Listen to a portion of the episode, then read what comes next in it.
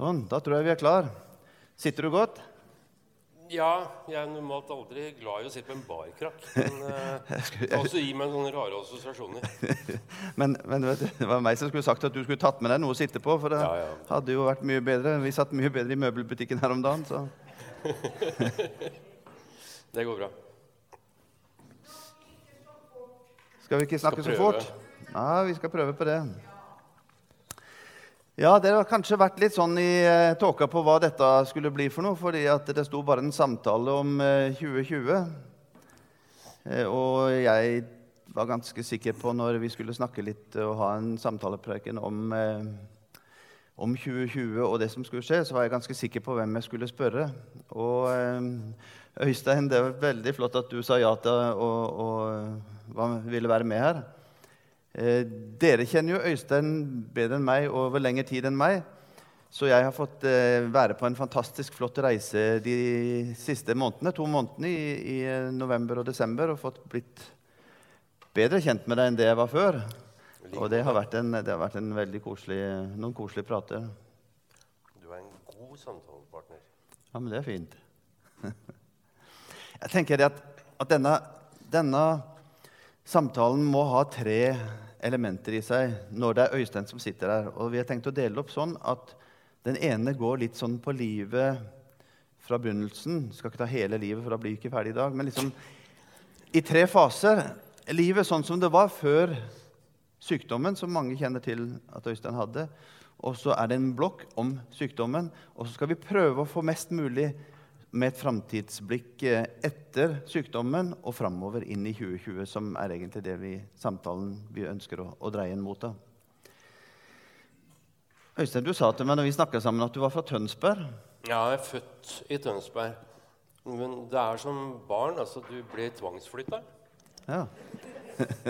Du velger ikke Ja, sted. velger, det er samme som ikke du velger foreldre. Du velger heller ikke sted du ble født. Jeg kjenner følelsen. Ja. Så øh, da var det opp i skauene til Treskov så fort det var mulig få oss. Og det var opp til Einarsrud, eller først Akerholt, og så var det Einarsrud etterpå. Og øh, inni Andebu skoger, kan jeg love deg en ting, der er det mørkt. det er spennende. Det er, vi var fiska oppe i Trollsvann. Og hver gang vi skulle ut i båt, så husker jeg moderen sa dere må ha på dere gummistøvler. Det er det tryggeste. Ja, riktig. Nå var hun fra Sarpsborg, så stakkars henne. Hadde vi Larvik, hatt støvler på så godt i vann, så hadde vi iallfall gått rett til bånn. her i Larvik så er vi Perlandet. Ja. Men uh... Men jeg er sånn, jeg er sånn Jeg har veldig rart språk. ja. Jeg vet det. Så, eh, så er det noe Jeg tror det Om det jeg har opplevd når jeg snakker med deg, at du har en sånn grunnholdning som er positiv. Og du fortalte meg en god historie, for seinere så havna du opp som tollbetjent. Ja, det, var, det- var før du, det var før du havna opp i, i møbelbransjen. Men, Ja. men du var tollbetjent, så fortalte du meg om eh, en, at du ble anklaga for å både banne og være uhøflig. Hva, hva var det for noe greiene? Ja, først, skal jeg, først skal jeg ta litt i innledning til det vi begynte med. Altså, jeg, jeg har hatt verdens beste foreldre. Jeg har hatt verdens beste oppvekst. Tenk deg seiling i riksjord og skiturer og alt mulig. Nei, Jeg har, altså, jeg har plukka ned de beste foreldrene du kunne noen gang skaffe til meg. Og så oppvekst blant eh, likesinnede. Og en av de som i oppveksten eh, eh, sleit som mest. For da, hvis du ser på den livskurven min, så begynner den veldig Vi tar, ok. vi, vi, tar, vi tar den først. Så, så, så faller den ganske tøft. For jeg, jeg, ble, jeg var veldig nærtagen og ble utsatt for ganske, for mitt vedkommende ganske heftig mobbing. Og en av disse pilarene som var med å gi meg tro på at dette er ok, han går bak der. Det er Morten. Og det var han og Dag Birger hadde mye kontakt med, og det, det hjalp meg veldig. Eh, men når du er så, når du er så eh, utsatt, så må du finne andre veier å gå. Så jeg valgte seiling. Eller foreldrene mine valgte seiling for meg. Og det har jeg holdt på med til innenfor et par år siden. Så da snudde kurven litt. Da, da gikk Da det litt, opp, litt da gikk det litt oppover. Ja, liksom ja, sånn fra 10 til 20 år, så Ja, var det greiere. Ja, Ja. da begynte det mye greiere. Eh, og så når jeg da kom inn i 20-åra, så valgte jeg et yrke. Og du vet at når du er så begrensa at du velger et yrke som er veldig profilert. Altså du, du blir veldig satt ut i, i andre folks mm, bevissthet på hvem du er. Og du blir hele tiden spotta på ting som ikke er riktig. Og det er ganske ofte det skjer i tollvesenet. Den, den episoden du ser, viser til, det var eh, her i Larvik, faktisk. Eh, var en kar som hadde et sterkt behov av alkohol. Eh, jeg kjente vedkommende. Han var kollega til faren min. Eh, det bryr jeg meg egentlig ikke noe om. For når du går om bord i båter og handler eh, sprit, så, så, får du ta det som kommer. På brygga ja, Hvem tror du der? Jo, det var jo meg. Jeg stoppa han. Inkvirerte, som det het på vårt fagspråk, eh, bilen. Og eh, denne gangen så heldigvis så var det ikke noe. Så jeg lot han gå. Tenkte ikke mer på episoden. Så kom jeg inn på kontoret etter en times tid, og så så jeg at døren til tollstasjonen var lukket. Og ja, det er en som er inne og klager på en eller annen. Det ikke, det var ikke sjelden, for å si det pent. En eller annen var inne alltid og klaga på et eller annet. Men nå satt jo noe der inne, da, og han uh, utbasunerte at uh, Ja, bli stoppa av Dons, du!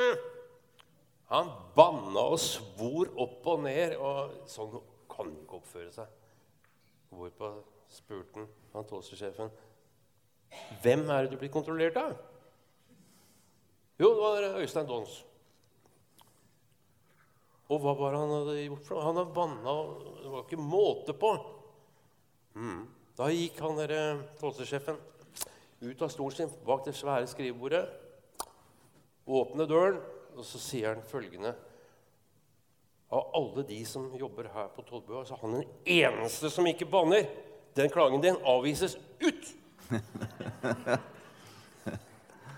ja. Han viser aldri der igjen. Nei, Du må vite hvem du klager på. Nei, men Det var det som jeg sa fra begynnelsen også, at du har en, en positiv grunnholdning. og den, eh, Det er jo tydelig det da, når jeg spør deg hvordan går livet videre. Så liksom når du kommer opp da i sånn fra 30 og videre, så, så, så liksom jeg setter opp eh, veldig bra på skalaen, så går Hvor havner du henne da? Jo, du går jo over skalaen. Ja, men jeg gjør det. For jeg hadde, jeg, da traff jeg Men før jeg traff Kjersti, mm. så hadde jeg en god del år i norsk musikkliv hvor jeg reiste til Norge på kryss og tvers. Det var veldig moro. Mm. Hardt, men moro. Når jeg da uh, fant ut at det, der, det, her er ikke noe liv, så roet det ned, og jeg, jeg flyttet til Larvik. Jeg fikk meg jobb her. Da traff jeg på Kjersti. Det var noe av det første jeg traff på. Mm. Jeg måtte jo ha et sted å bo. Jeg måtte jo ha noen møbler. Og da fant vi fort ut at det var ah, bilder å gifte seg med? Nei da. Ja, det er bra. Neida, neida, det var ikke det. Men det er tydelig, når du traff henne, så, så kurven den, ja, den går, oppover. Den, det, det, det, bare liksom, det, bare fortsetter jo. Det stopper jo liksom ikke opp før vi kommer i godt passert 60. Så du er jo snart utafor skalaen her. Den der skalaen der, den, der, den tok vi bare i går sånn eh, Jeg så ikke hvor jeg begynte engang. Men eh, nok om det. Altså for å si Nedtur var jo det når jeg mistet moren min i 99 og far i 2006. Men det klarte jeg ikke å få sånn negativt, for jeg har vært så heldig å ha de så lenge, og de har gitt meg så mye. Så minnene, de lever videre. Og da vi skulle gjøre opp det boet hjemme, søstera og jeg, så sa jeg at nå gjør du og jeg følgende. Vi går inn i den leiligheten. Vi låser døren, så slår vi av telefonene, og så deler vi to. Mm. For jeg skal være like god venn med deg etter at vi går ut av det bygget her nå, som det jeg er i dette øyeblikk. Jo, som sagt så gjort. Og det her, det fungerte veldig bra. Mm. Veldig, veldig bra. Og for at jeg, som jeg sier, jeg har, jeg har minnene. Og jeg behøver ikke alle tingene. Det er bare så synd at jeg har fått nesten alle tingene nå. Har du det? og det er, eh, men, men. Ok. Sånn er det bare. Men så, så passerer du 60, Uff. og så, eh, og så Selv om du har hatt noen sånne, litt sånn kurver opp og ned, men ja, så, så, så, får du en eh, og Da kommer vi inn på punkt nummer to. Da kommer du på en måte inn i ei tid som det gikk eh, ned imot den nederste delen av skalaen. Hva... Jeg tror vi grunnen traff under skalaen. Du var under skalaen, ja. ja. Det var så mørkt der nede. Mm. Eh, det, jeg tror kanskje jeg sitter her og småfleiper med det, men altså, det var mørkt. altså. Jeg har aldri trodd at det var mulig å finne en sånn kjeller så langt under kjelleren. Jeg fikk jo eh, 23. april. Eh, det var første arbeidsdag etter påske. Så eh, satt vi hjemme og så skulle vi spise frokost. Nei, søren. Vi har ikke noe brød. Det hadde vi jo lagt igjen på hytta. Ok, da tar vi det i butikken. Og en løp ned til Bakke Jensen og fikk et dobbeltstekt brød. Deilig. Og så begynte stresset. Telefoner, mat, telefoner, nye telefoner. Sånn. Så bare døtta jeg dette ned og sleit med å få det forbi her. Banka litt. og Så gikk det ned. og Svelga litt av melk og vann og, og kaffe og alt mulig. Og så, så ble jeg uggen. Skikkelig uggen. Til slutt så løp jeg inn på toalettet, og da bare spydde jeg blod noen ganger. Og da kom disse guttene med den der fine gul-oransje bilen med lys på taket. Så var det rett til Tønsberg, og da skjønte jeg at noe var alvorlig gærent. Men Den alvorlige beskjeden den kom egentlig først utpå syvtiden om kvelden. da De hadde funnet at jo, du har kreft i spiserøret. Oi. Er det, er det alvorlig? Det var det første spørsmålet jeg stilte. Ja, det er alvorlig. Eh, hvis du har spredning Da gjorde han bare sånn. Oi. Da, da traff jeg kjelleren. Svar på om dette var uh, spredning, den fikk jeg først på torsdag kveld. Dette var tirsdag. Du kan tenke deg hvordan dette var. Så, uh, så på uh, Da sov jeg veldig dårlig de første nettene. Omsider så fikk jeg noen små morsomme piller som nå skal du få sove. Og gjorde det da natt til 26. Og så dukket det opp plutselig en masse russ på utsida av Tønsberg sykehus.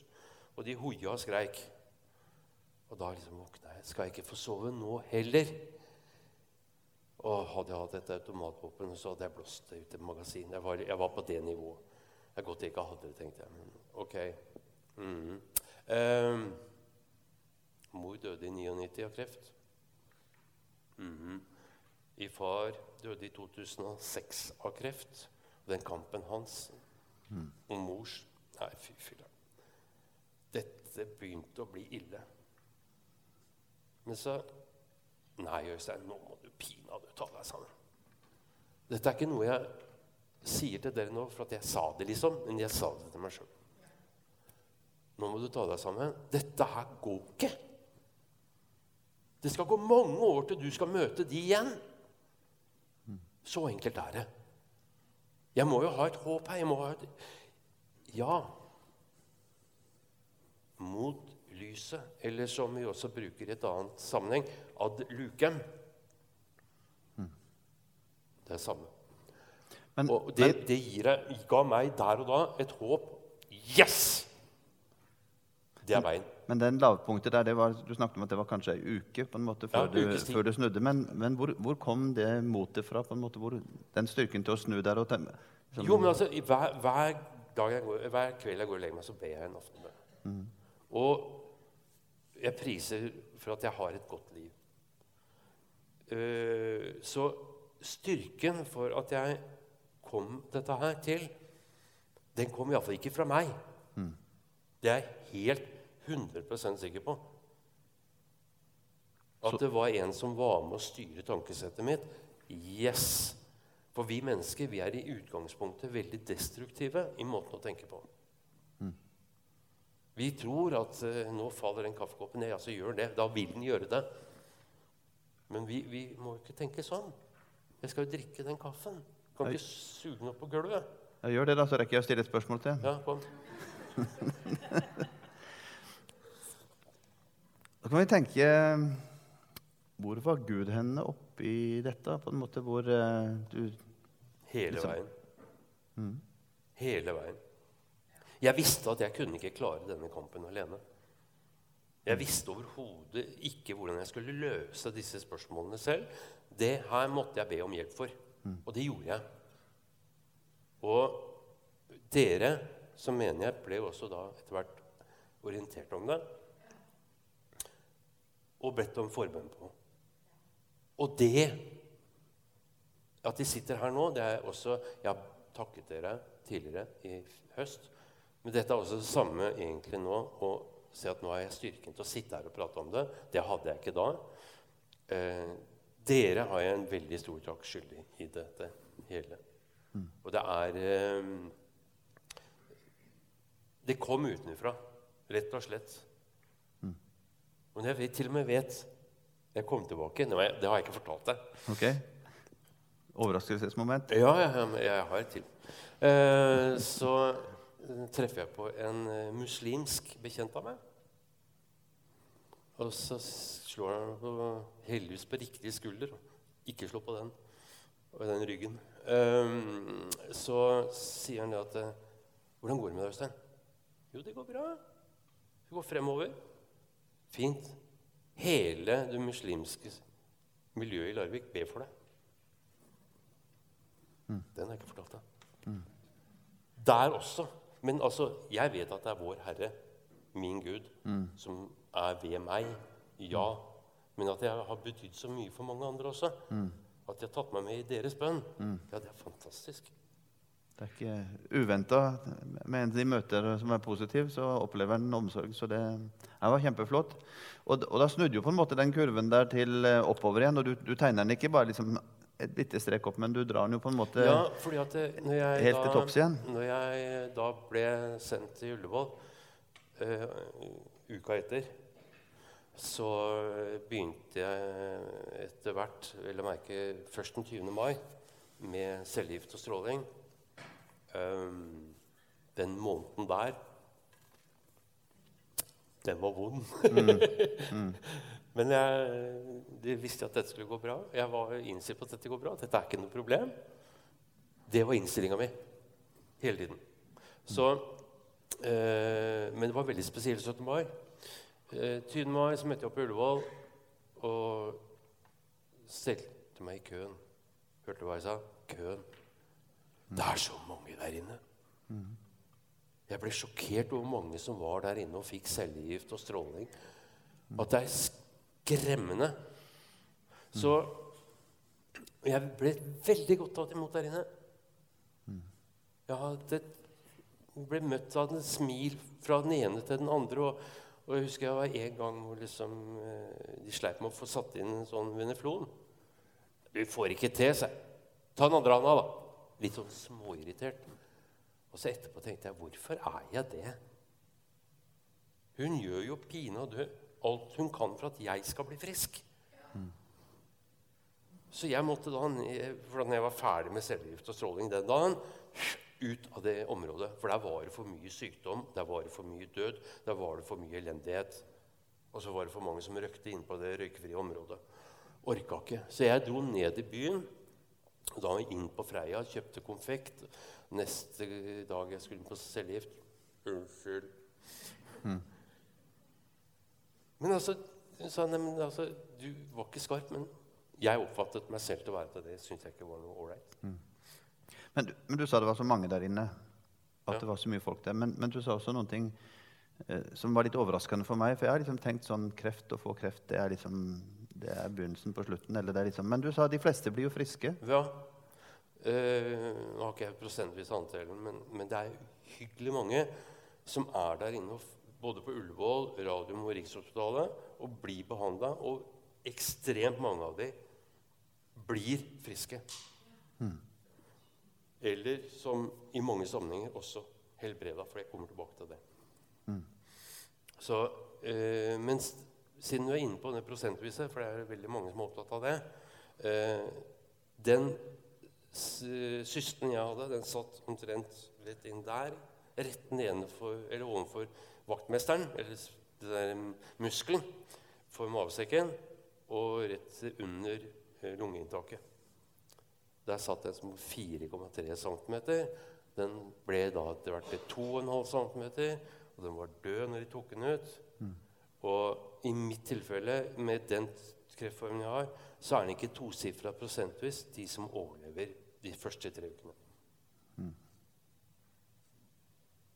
Men eh, den, jeg går litt langt fram nå. Nei, det går bra. 13. september, da hadde jeg vært på eh, Sendt hjem fra eh, Ullevål. Jeg var på eh, Godthopp i Bærum. Jeg kom hjem hit. 13. september var jeg tilbake på Ullevål. Fikk jeg beskjed av kirurgen. Du kan velge om du vil ha seksmånederskontroll eller ikke, Øystein. Okay. Jeg var blitt frisk. Og du blir ikke bare frisk av noe stråling og noe øh, cellegift og operasjon. Nei da. Det står en over oss og passer på at det skjer. Ikke glem det. Men de er fryktelig dyktige på sykehuset der. Det er, men det er grenser hvor mye vi skal tillegge bare din aleine. Her er det et team, og så er det en som overvåker. Og hver kveld så ba jeg for at de riktige kirurgene fikk gjort den riktige jobben. Ikke bare for meg, men for veldig mange av de som var der. For jeg visste at det var veldig mange som trengte forbønn og skulle hjelpe dem.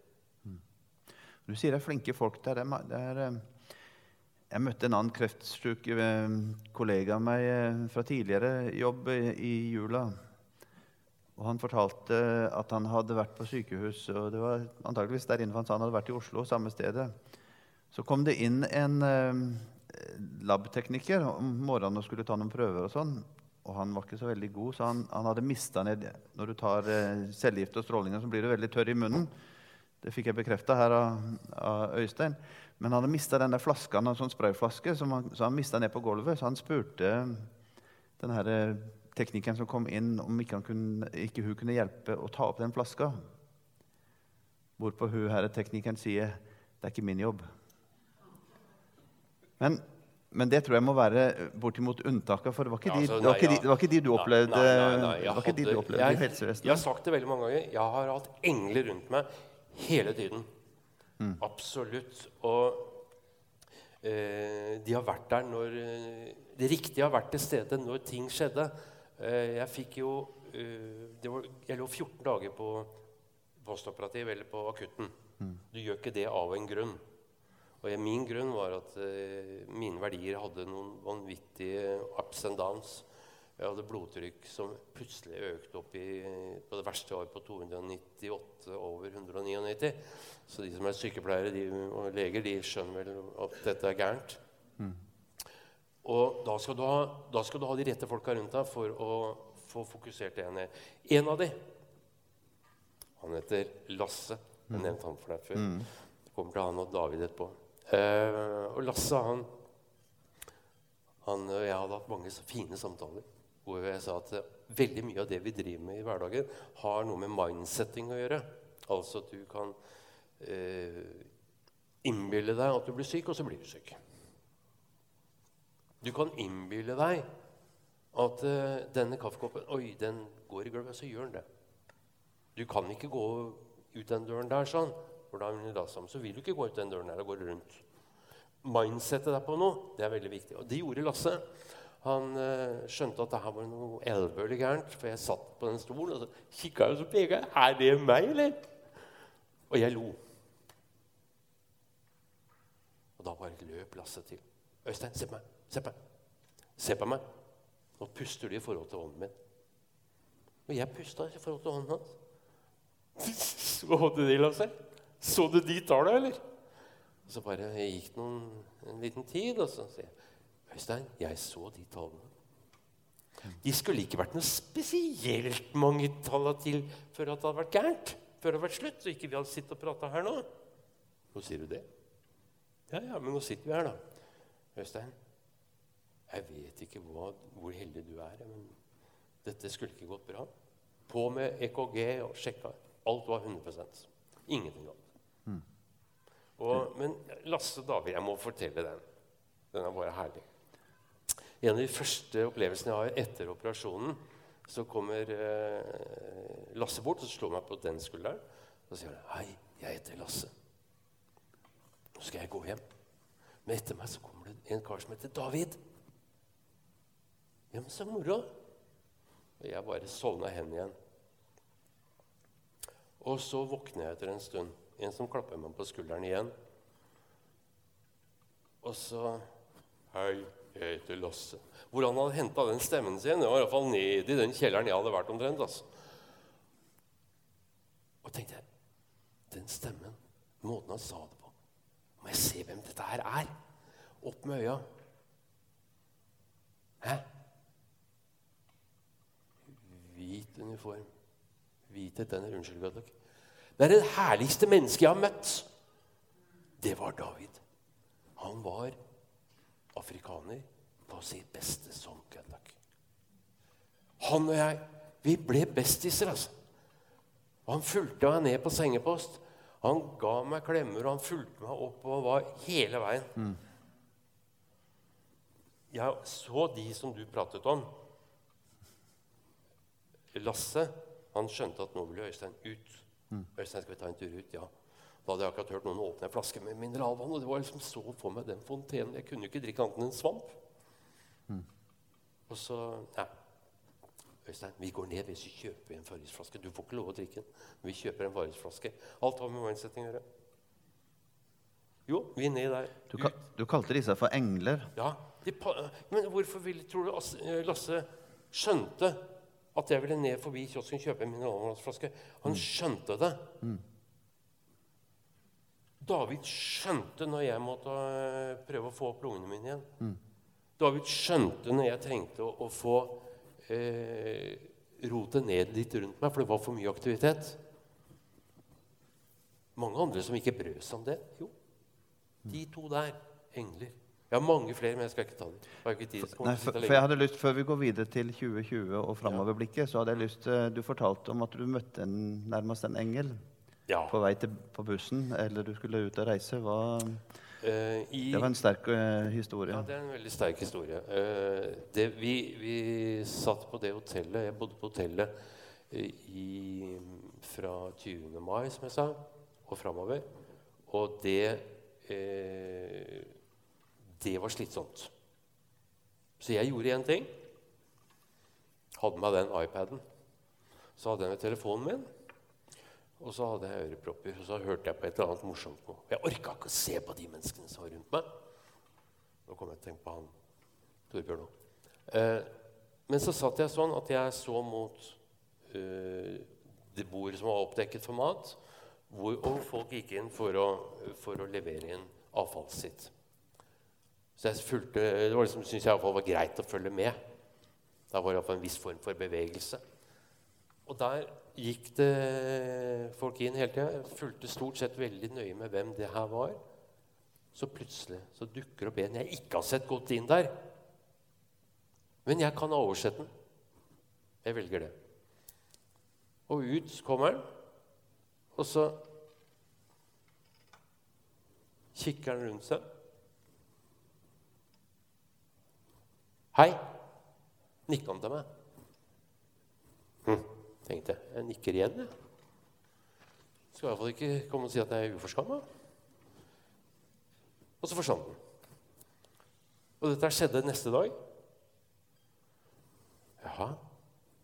Og så kom vi til fredag. Jeg skulle hjem. Ut av sykehusområdet. Å, endelig. To uker. Det var, var vel tre uker igjen, tenkte jeg, på denne her før noe annet skjer. Og så sto og venta på buss 20, og så plutselig kommer en mann løpende. Og det var denne mannen. Hei, hei. Noe jeg kan hjelpe deg med? spurte han. Uh, sorry, I'm going to uh, Kolsås. Do you know the direction? Ja, ja, ja. ja. Og da videre samtale gikk jo på engelsk, og vi forklarte ham osv. Bare, bare følg med. Mm. Så spurte han ehm, hva er du her for, og så fortalte jeg kreft sånn. Mm. Tror du på Gud? spurte man. Ja, ja, ja. Det er fælt å si det, men selvfølgelig gjør jeg det. Det var for meg et litt underlig spørsmål å få. Og så kan jeg be for deg. Ja, det kan du absolutt. Han ba for meg der og da på bussen. Masse mennesker rundt. Hva bryr man seg om det? Bussturen fra Ullevål ned til eh, Majorstua er ikke lang, men den ble veldig innholdsrik for meg. Og, eh, og så sier han til meg på engelsk 'Du vil bli frisk'. Det gjentok han flere ganger. Ja, tusen hjertelig takk. Det er hensikten min nå. Og ut av bussen, eh, og så sier jeg til henne at eh, når du, så går du over der, og så går du gjennom første døren, og så har du billettkontoret sånn og sånn. Ja, fint. Jeg skulle da over veien gjøre noe annet. Så snudde jeg meg tilbake, og da var denne mannen borte. Hvem var det? Mm. I min verden så var det en engel som kom inn og gjorde en funksjon. Jeg har opplevd det før, eller vi har opplevd det før i familien ved et tidligere krefttilfelle i, en familie, familien vår. Så for meg var ikke dette fremmed. Jeg ble ikke sjokkert av det. Jeg ble bare veldig eh, På en måte satt ut. Men jeg var veldig, jeg var veldig takknemlig for at dette traff meg òg. Mm. Kanskje mange av oss som går så fort gjennom hverdagen at vi kanskje ikke legger merke til en del av disse tingene. Kanskje en må ned i både sykdom og i smerte og, jo, i, i, den verden før en får kontakt. Nå blir det blir langt, men jeg skal prøve å ta meg korthet. Torbjørn var en svenske som satt i rullestol. Han var multifunksjonshemma og kreftsyk. og Han var helt som en stiv stokk. Og han bare led seg gjennom perioden. Og en person som jeg normalt ikke ville ta kontakt med. Mm. Han var liksom ikke den type. Mm. Nei da. Men eh, mannen han satt der og sugde kontakt med mennesker som ville bruke noen minutter på han. Og når jeg da ble kjent med Torbjørn, så brukte jeg ikke bare minutter. Jeg brukte mange timer. Mm. Vi hadde mange flotte samtaler. Og han sa at han skulle hjem, treffe familien. Jeg hadde ikke sett dem på mange år. Ikke hørt noe fra dem heller. Men fint, se! Da ringer du den andre sønnen din nå. Kanskje de kan begge to komme? Du utfordrer meg, sa han. Ja, jeg gjør det. For livet kan ikke avsluttes på, ved at man er uvenner. Mm. Nei da, så jeg hadde gjort det, da. Helga kom, kom tilbake igjen. Så satt det en mann der med et vanvittig smil. Mm. Øystein! Ikke bare at begge to kom, men de hadde med seg barna òg og partnere. Mm. Det de utfordrer hverandre. Det overrasker ikke meg at du gjorde en positiv forskjell for menneskene der. Og så, og så sendte du meg et par bilder fra den tida. Da tenker jeg liksom bare ja, da skal du liksom tenke, Jeg tenker liksom at da ser du liksom en, en halvdau mann som ligger der. Ja, det er jo det, da. ja, du var kanskje følte, følte det sånn. Men, men, dette var liksom Øystein i sykdomsperioden eh, med å pynte seg og eh, ja, jeg syns ja, jeg ser Det var ikke pynting, altså. Jeg, nei, det var, det var den. Jeg så øreproppene ja, forsvant fra verden. Og den Der var den. Ja, ja. ja. Syns det ser bra ut. Men, men du var, du var sjuk også. Det ja. var en, en, tid. Og så beveger vi oss etter uh, den tida inn i, deilig. i nå. I, nå, i nåtida. Ja, deilig. deilig. For dette har vært et tilfelle, et mm. incident, som det er på engelsk. Mm eh, dette her er noe jeg må legge bak meg, og så må jeg bare se framover. Jeg har vært heldig som har fått det, for det har gitt meg andre perspektiver. Wow. Og det er et håp i alt som er foran oss. Vi har alle muligheter for å gripe dagen. Og så er det bare opp til oss om vi vil gjøre det. Mm. For det som slår meg når jeg snakker med deg, det er det at det, det er ikke uvesentlig hvordan vi lever livet og er i forhold til andre mennesker rundt oss. Og vi, tenker noen gang her i menigheten liksom at vi, vi, kommer til menigheten, og så lever vi på en måte livet her i menigheten. Men, men, hvor feil går det an å ta? Fordi at dette er jo på en måte bare en slags bensinstasjon. Det er jo livet vi lever ute. Så det er jo de som opplever en, en litt sånn sint og gretten lærer, eller en kundebehandler eller en eller annen det er på en måte en, en metodist. Eller en, altså, de møter oss kristne rundt på arbeidsplassene. Det er jo der de møter oss. Og det som slår meg, din, din positivitet, er bare sånn Du minner meg om det at det er ikke uvesentlig hvordan vi lever eh, livet vårt, og, og hva slags grunnholdning vi har. Så det, veldig hyggelig at du sier at jeg er så veldig positiv. Jeg prøver å være så godt jeg kan. At, men jeg har mine dårlige dager. Det kan jeg love deg. Ja, Det har ikke vært noen av de jeg har truffet deg. Men, uh, men uh, jeg har en tidligere kollega som også fikk kreft. Han fikk asbestiose uh, før han ble 50. Og han var som person veldig negativ. Han var veldig Han hadde et ordforhold som lå på den siden som han ville normalt sagt mye fynord på på det meste. Eh, og han la veldig mange hindringer i veien for meg. Snubletråd vil vi kalle det på militærspråk. Og, eh, men jeg ville alltid være venn med ham. Og eh, på slutten så besøkte jeg ham eh, tre dager før han døde. Og så sier jeg til ham at eh, du, kan ikke vi legge stridsøksa ned? Jeg har alltid villet være en venn med deg. Jeg vet at du har gjort såpass mye gærent med at jeg burde egentlig finne et balltre og så slått på deg. Men jeg klarer ikke. Jeg klarer ikke. Så jeg strakk fram hånda og spurte pent kan jeg være så snill bli venn med deg nå. Det er bedre nå enn aldri. Dette kommer vel kanskje ut fra det Du hadde et bibelvers ja, og det var, som, som, jeg spurte om. Nå har vi ja. lest det noen ganger, sånn, ja. men, men, eh, det var noe du sa det var noe, dette, dette kommer fra deg, eh, Øystein. Som, eh, hvor, hvorfor har dette vært et bibelvers som har betydd mye for deg? Jo, for eh, da jeg vokste opp, så var det om å gjøre å hjelpe hverandre. Det er om å gjøre å finne veier ut av noe. Mm. Og det har egentlig fulgt oss inn i voksent liv. Og Kjersti og jeg vi har et uttrykk som vi bruker felles. Kan, det er en omskriving av det som står der.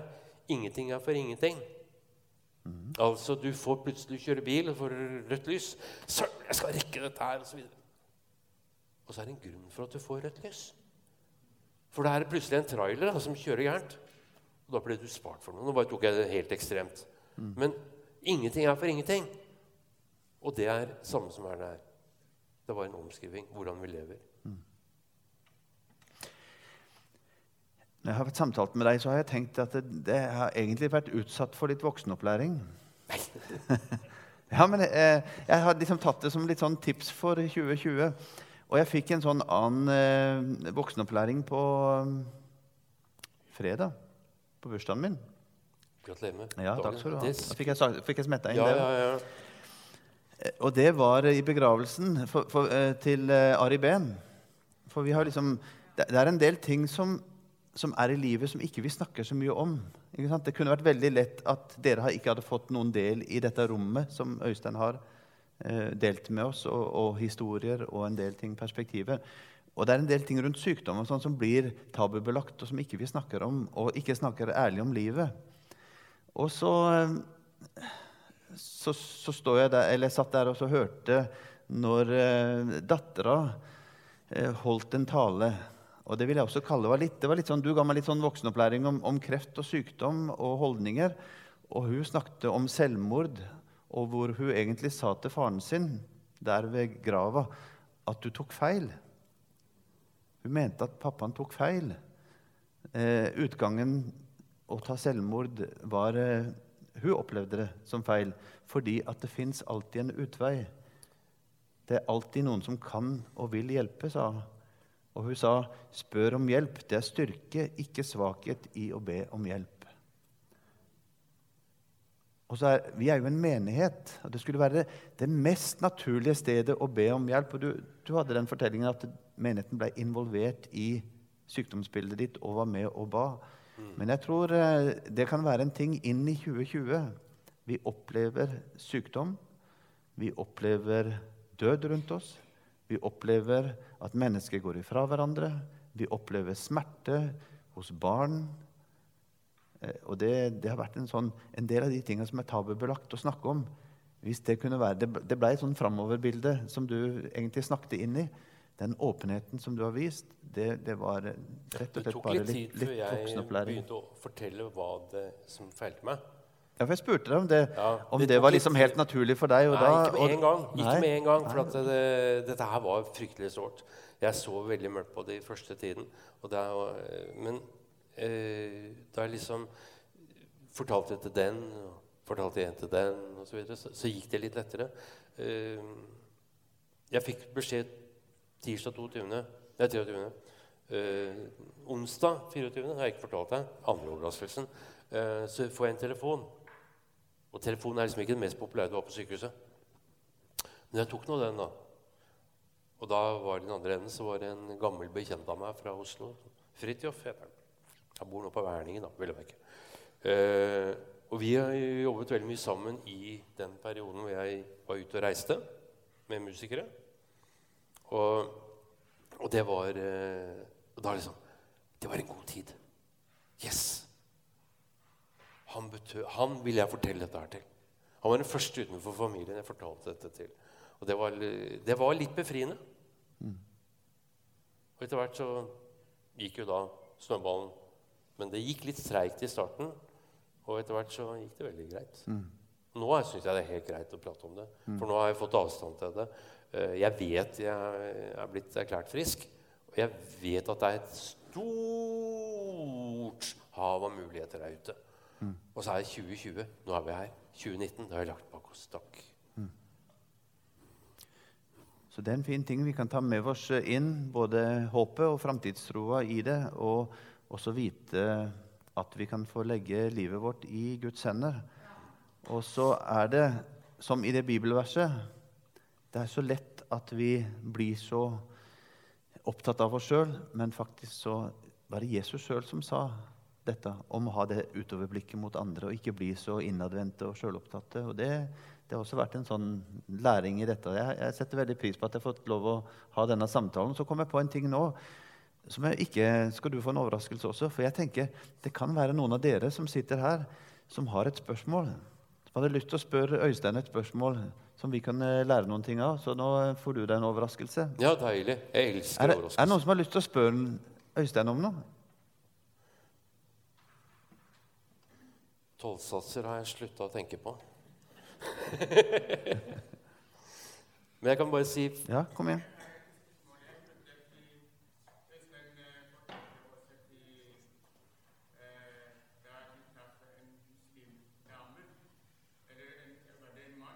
Hva, mann? Ja.